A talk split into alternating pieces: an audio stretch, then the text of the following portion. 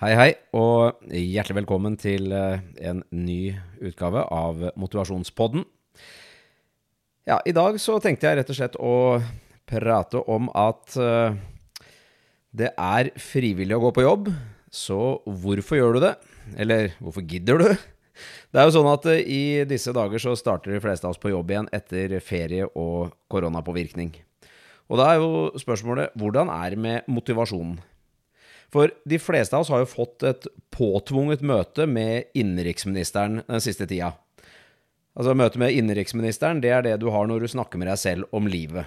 Og i møte med koronaen så har vi jo fått anledning til å reflektere over hva som egentlig er viktig for oss i livet. Eh, mange har følt på at det viktigste i livet ikke kan kjøpes for penger, og at eh, streben etter materielle goder og karriere altfor lett kommer i veien for verdifull tid da med familie og venner. Og så kan man jo ende opp med å lure på om det er verdt det. Kan vi klare oss med mindre for å få det bedre? Eh, er det verdt eh, alt det jeg eh, legger inn av innsats for å få litt mer?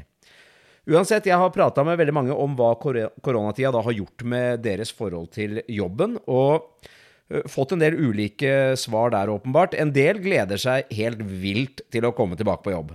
Eh, de savner det sosiale på jobben og trenger det avbrekket fra familielivet for å få ting til å fungere godt. Det er liksom en, eh, det, er luften i hverdagen, da, på en måte. Og så er det noen som faktisk har bestemt seg for å bytte jobb. For avstanden og tiden da, til å kjenne på noe annet, det har gjort at de har erkjent at de er på feil hylle. Det var som en sa, før korona så var det så lett at hverdagen bare gikk, og man ikke hadde det jævlig nok til å gjøre endringene, så man lot det bare skure og gå. Eh, I stedet for da å ta tak i det når man kjente at ok, her bør vel egentlig ikke jeg fortsette, så lar man det bare, bare holde på. Og så er det andre igjen som tenker at de er i riktig jobb, eh, til tross for at ikke alt er perfekt, og bare liksom ja, ser fram til å komme tilbake igjen på jobb og, og i rutiner. Det er veldig mange eh, måter vi ser på jobb og, og, har tanker rundt det. Men jeg tenker at uansett da, hva ditt forhold til eh, jobben er, så er det jo sannsynlig at koronatiden har gjort noe med deg. Og når vi nå skal tilbake igjen til hverdagen, så kan det være lurt å kalle inn til et planlagt møte med innenriksministeren for å avstemme om du er på riktig spor i forhold til eh, ja, dine verdier og ønsker og mål. Og jeg tenker at det er smart å bruke litt tid på å reflektere over hvordan du vil at hverdagen skal være. For Tenk bare hvor mye tid vi, du bruker på å planlegge en tre ukers sommerferie. Altså, Det fins selvfølgelig noen som tar ferien på sparket, men de fleste legger mye tid i planlegging av ferien for å få mest mulig ut av den. For man har jo bare én sjanse, ikke sant?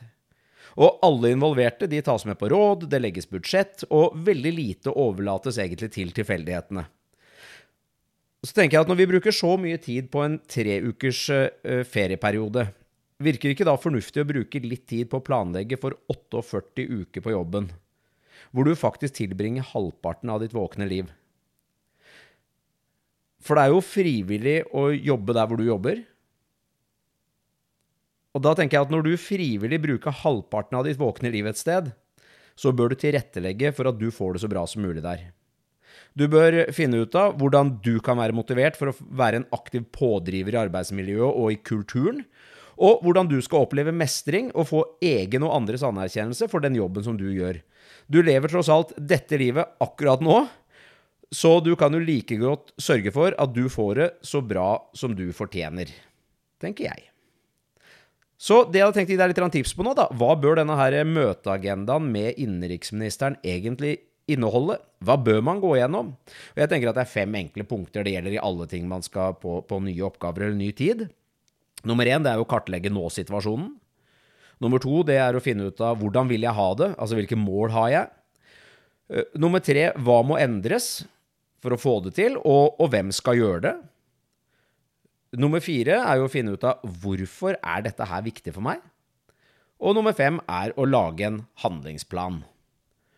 Så for å begynne med det første, da. Det første som eh, du egentlig bør besvare før du kartlegger nå situasjonen, det er jo ønsker å være i den jobben du er i. Det er jo sånn at alt i livet, det kommer i pakker. Med middag så følger det oppvask, med ekteskap så følger det med svigermor, og med muligheter på jobben så følger det rutineoppgaver som må gjøres. Nå må jeg bare få presisere at jeg digger svigermor, så det har ikke noe med henne å gjøre her. Men problemet det oppstår jo når hverdagsstresset gjør at vi mister fokuset på de gode tingene, og så bare irriterer oss over den delen av pakka som vi ikke liker så godt. Og da kan det i jobbsammenheng ende opp med at vi har en jobb som vi er likegyldige til eller mistrives i. Og da blir jo spørsmålet er det jobben som er problemet, eller er det det vi fokuserer på som skaper problemet? Men uansett så er det på tide med et oppgjør. Og hvis det er jobben som er problemet, så kan du bytte jobb, så det er jo et alternativ.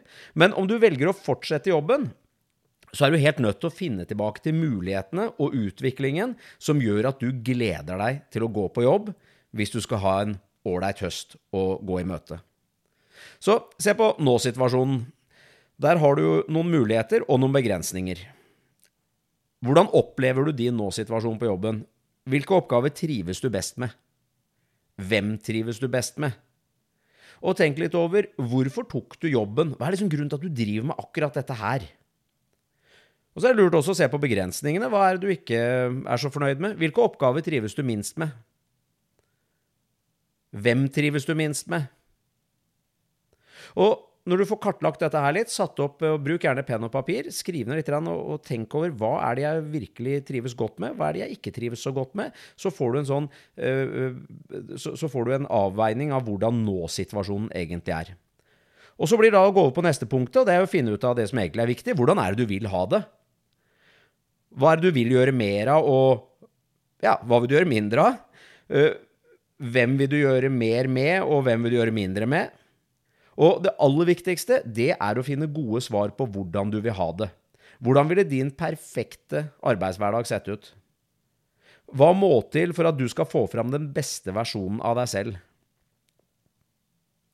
Og så er det lurt da, å også se på begrensningslista di, altså de ting du ikke syns er så ålreit, og tenke over hvor mange av de oppgavene og menneskene som virkelig er et problem for deg, og hvor mange som har blitt det fordi du har gitt det ekstra mye fokus, eller fordi det er andre som syter, som har påpekt ting du kanskje ikke egentlig bryr deg om, hvor du bare har blitt med på det. For det som gjenstår på den lista når du har streket bort de tingene, det er ekte problemer. Og enten det er oppgaver eller mennesker du ikke holder ut, så må du ta ansvar for å løse det. Det er sånn at Når du har blitt bevisst på enten det er en konflikt som må løses, eller en oppgave som demotiverer deg, så vil du være galskap og la det fortsette.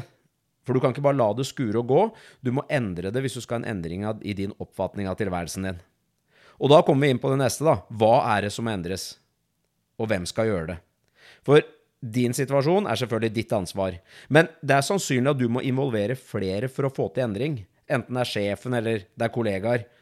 Kanskje du er i en arbeidssituasjon hvor du ikke har muligheten til uh, verken uh, å påvirke oppgaver eller kollegaer. Da er det allikevel viktig å gå i samtale med lederen din da, for å fortelle om situasjonen din og hva som ville gjort det enda bedre for deg å være på jobb. Og det er jo sånn at eh, Selv om dette kan være noe man gruer seg til å gå og prate med sjefen om, så er det sånn at de aller fleste uh, ledere de vil heller ha en dyktig ansatt uh, som er motivert, enn en dyktig ansatt som er i arbeid et annet sted. Så uh, lite tips. Ikke bare påpek problemene, men kom med løsningen. Uh, altså forskjellige løsninger, kanskje. Og fortell om alt du er fornøyd med. Det skaper et godt uh, samtaleklima i en sånn situasjon. Og så er det neste punktet, det er hvorfor er det viktig? Dette her mener jeg er et av de viktigste spørsmålene å besvare. Hvorfor? For du har jo vært klar over situasjonen din over lang tid uten å ta tak i det. Så hvordan skal det bli annerledes nå? Det er pussig hvordan vi klarer å tilpasse oss til ganske mye ubehag som vi bare lever med.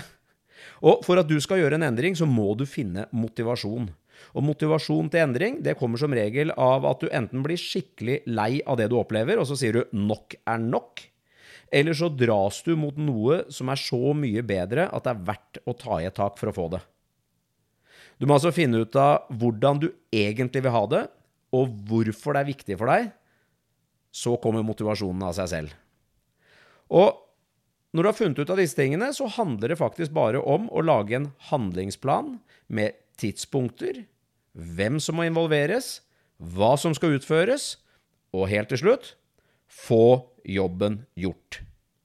Så som en oppsummering, når du skal tilbake igjen på jobben etter koronatid, og du skal lage den eh, høsten, den tiden framover, som er så bra som mulig for deg, så ta et møte med innenriksministeren, ha på agendaen og kartlegge nå situasjonen din, det du er fornøyd med og det du er misfornøyd med. Finne ut av hvordan jeg vil ha det, altså sette seg noen mål.